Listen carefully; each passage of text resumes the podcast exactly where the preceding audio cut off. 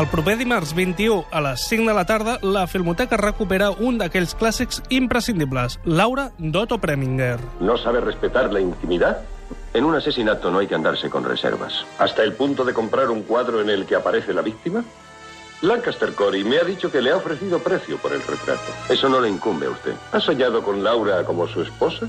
¿A su lado en un baile benéfico, bella como ninguna? ¿O relatándole cómo le citaron a la orden del día por su heroicidad frente a cierto gángster? Una excusa com qualsevol altra per dedicar-li aquesta setmana... La dada de la finestra. Aquest film se'l recorda, entre moltes coses, pel tema musical de Laura. Quan li van preguntar a Heidi Lamar per què va refusar el paper, va contestar perquè em van enviar el guió, no la banda sonora. Aquest famós tema de David Raskin, composat en un sol cap de setmana, es deia Judy, originalment en homenatge a Judy Garland. Gene Tierney tampoc volia fer el paper de Laura. El va haver de fer per obligacions contractuals. El quadre de Laura és en realitat una fotografia a la que se li va tirar oli per a sobre per donar-li credibilitat. El productor Darryl F. Zanuck no volia que Clifton Webb participés en la pel·lícula per la seva homosexualitat, però Otto Preminger el va convèncer. Feia 19 anys que Clifton Webb no feia cap pel·lícula, però per aquest paper el van nominar a l'Oscar.